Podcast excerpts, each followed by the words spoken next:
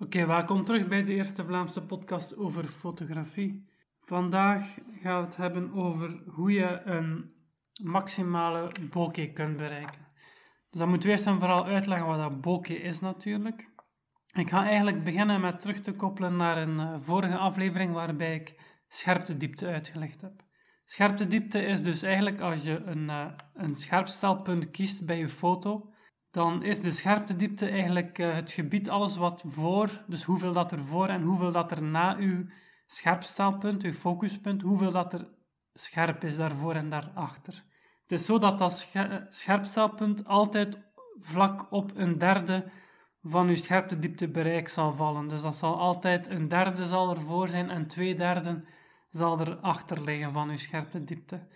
En hoe kleiner dat je dat scherptediepte uh, bereik maakt, dus dat kun je meten in, uh, in meters of in centimeters, afhankelijk van, uh, of in millimeters zelf, als je naar macrofotografie kijkt, daar heb je heel weinig scherptediepte. Um, juist omdat je heel dicht op je onderwerp zit. Maar daar komen we zo meteen op terug. Eigenlijk scherptediepte, als je een landschapsfotografie doet, dan ga je vaak een, een groot diafragma getal wat eigenlijk overeenkomt met een kleine diafragma-opening. En dan krijg je heel veel scherptediepte. En dat maakt dat op je landschapsfoto, dat zowel uw voorgrond als uw achtergrond, alles in de verte, dat dat eigenlijk allemaal scherp zal zijn. Maar als je portretten gaat gaan fotograferen, dan wil je vaak, of heel specifieke onderwerpen, dan kun je eigenlijk door met weinig scherptediepte te werken, uh, uw onderwerp gaan isoleren van de omgeving. Dus eigenlijk een, duidelijk onderscheid maken tussen uw eigenlijke onderwerp van uw foto en de omgeving. En dan wordt veel gebruikt, die techniek, bij portretten. En um, dan bekom je dus eigenlijk een, uh, bijvoorbeeld het gezicht is dan scherp, of vooral de ogen zijn dan scherp. En het gezicht, maar alles wat rond uw onderwerp zich bevindt, is dan onscherp. En de manier waarop dat die onscherpte uh, gerenderd wordt door uw lens, dat is eigenlijk wat we noemen bokeh.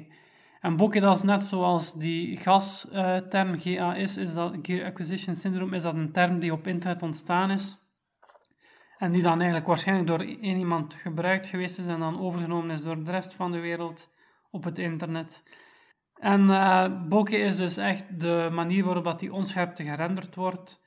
En dat wordt eigenlijk vooral bepaald door uw diafragma van uw lens. En als je kijkt naar een diafragma, dat zijn lamellen die eigenlijk uh, over elkaar schuiven en zo de opening van uw lens, de maximale opening, kunnen gaan verkleinen en vergroten door, door, die, op, door die lamellen dichter of verder van elkaar te gaan verschuiven. Bij van die oude manuele lenzen kun je dan nog door aan de diafragmaring te gaan draaien, kunnen we nog in werking zien als je door de lens kijkt. Bij veel moderne lenzen is dat diafragma elektronisch aangestuurd door uw camera, dus kunnen dat ook niet meer met een diafragmaring gaan uh, aanpassen. Is dat moeilijker te zien. Sowieso bij een spiegelreflex gaat dat diafragma ook pas ingesteld worden op het moment dat je de foto maakt. Maar dus de bokeh is de manier waarop dat die onscherpte gerenderd wordt.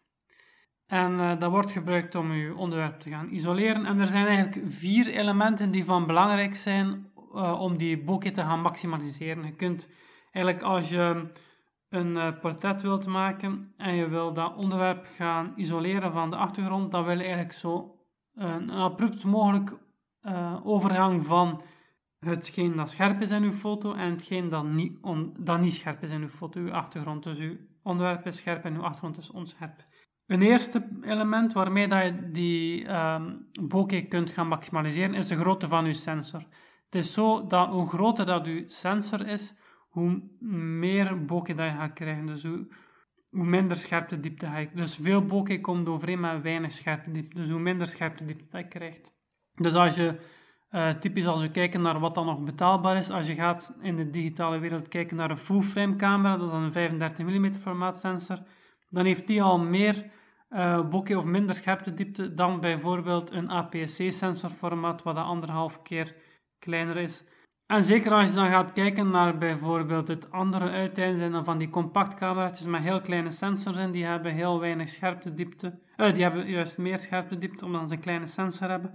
Maar naar het andere aspect, naar het andere uiteinde, is dan weer uh, middenformaatcamera's. Die hebben een grotere sensor, nog groter dan 35, nog groter dan full frame. Dus die hebben nog veel uh, meer mogelijkheden om met bokeh te gaan werken. Als we teruggaan naar die heel kleine sensors, als we kijken naar smartphones de dag van vandaag, die hebben ook een heel kleine sensor, ja, puur omdat dat, uh, die hebben misschien soms wel vaak veel megapixels, maar ze blijven met die kleinere sensor zitten, omdat die sensor moet ingebouwd worden in die kleine, dunne uh, telefoons. En dan zie je dat bijvoorbeeld de Pixel en ook de laatste iPhones, die hebben dan andere technieken om die scherptediepte te gaan, uh, die minimale scherptediepte te gaan simuleren. Eerst waren er uh, met de Pixel Plus en de iPhone Plus hadden ze plots twee lenzen, waarbij dat één lens dan de standaard breedhoeklens zou zijn en dan een extra lens die een tweemaal vergroting heeft vaak, dus die een soort van telelens vormt, waardoor dat je door die extra lens eigenlijk al um, minder scherptediepte, meer bokeh krijgt. Maar een andere techniek die nu bij telefoons, bij smartphones toegepast wordt, dat zie je terug in Pixel en uh, iPhone opnieuw, is uh, die rendering te gaan doen um, in software. Dus dan gaan ze eigenlijk uh, met software, met algoritmen, nadat je de foto gemaakt hebt, oké, ze herkennen een, een gezicht in de foto, dan gaan ze met software de achtergrond onscherp gaan maken. En dan is de software vooral belangrijk aan de ene kant om die onscherpte te maken, maar dat kan je in Photoshop en Lightroom, kun of ook in Snapseed op je mobiel, kun je eigenlijk je achtergrond gemakkelijk onscherp maken. Het moeilijkste daarin is eigenlijk het, uh, het onderscheid maken tussen wat dan nu eigenlijk het portret, het onderwerp is, en wat dat de achtergrond is. Maar er zijn uh, met AI en dergelijke meer. Die algoritmen worden altijd maar beter. En dag van vandaag kunnen bijvoorbeeld zelf met de laatste iPhones kunnen een foto maken en nadat de foto gemaakt is, kun je de hoeveelheid scherpte, diepte nog gaan aanpassen bij die portretten. Dat heet uh, de portretmodus, als ik me niet vergis. Maar dus het eerste element was die sensorafmeting, dus de grootte van uw sensor. Dat geldt ook voor filmformaat trouwens, dat is niet beperkt tot sensor, maar we hebben het nu over digitale fotografie toevallig. Uh, een tweede element is uw brandpuntsafstand. En daar had ik al een klein beetje naar verwezen, omdat ik van die twee lenzen sprak. Eigenlijk, hoe langer uw brandpuntsafstand is, hoe kleiner dat uw scherptediepte wordt. Dus typisch voor landschappen bijvoorbeeld ga je met breed beeld gaan werken, dus met een brede beeldhoek. Dan krijg je ook typisch ook meer scherptediepte daarvoor terug. Terwijl voor portretten wil je naar langere lenzen gaan, naar telelenzen. Um, er zijn mensen die uh, met 200 mm werken uh, voor portretten. Je hebt uh, veel macrolenzen, zijn rond de 100 mm, 105 van Nikon en dergelijke. Worden ook veel gebruikt voor portretten. En dan de, denk, de, de standaard portretlens, die we bij zowel Canon, Nikon als Fujifilm, maar ook Sony terugvinden, is de 85 mm lens. En dat is ook een, dus 50 mm voor kleinbeeld is de standaard beeldhoek, 85 is dus al een lichte tele is dus ideaal voor portretten. Dus ook omdat je, hoe langer dat die brandpuntsafstand wordt, hoe meer dat je alles van je omgeving gaat gaan samendrukken en hoe minder scherpte diepte dat je krijgt. Dus hoe makkelijker het is om uh, mooie bokeh te gaan maken. Een derde element hangt ook samen met de lens en is eigenlijk de diafragma of de lensopening. En daar is het zo dat um, hoe groter dat je die opening maakt, hoe minder dat je scherpte wordt. Dus als je een, een uh, landschapsfoto maakt, dan wil je naar f8 um, F11, F16 gaan, dus heel kleine openingen, waardoor dat heel veel scherp is, dat je heel veel scherptediepte krijgt. Bij portretten wil je juist je lens helemaal open gaan zetten, diafragma volledig open gaan zetten, zodat je heel weinig scherptediepte en dus veel bokeh krijgt. En die, dat diafragma, die lensopening, hangt natuurlijk, de maximale waarde daarvan hangt, hangt eigenlijk vast aan de constructie van uw lens. En vaak is het zo dat hoe groter dat die constructie, die maximale opening is, hoe duurder dat je lens ook wordt. Als we teruggrijpen naar die Canon en Nikon 85 mm, dan heb je bij Nikon uh, de 85 1.4. Bij Canon heb je ook die 1.4. Je hebt ook de 1.8 versie daarvan, maar de 1.4 is dan typisch beter geschikt voor portretten. Maar bij Canon heb je zelf de 1.2 versie van de 85 mm lens. Een heel grote, zware uh, lens, juist omdat je een grote opening hebt. Dus al dat glas moet allemaal groter gemaakt worden. Om een grotere maximale opening te creëren.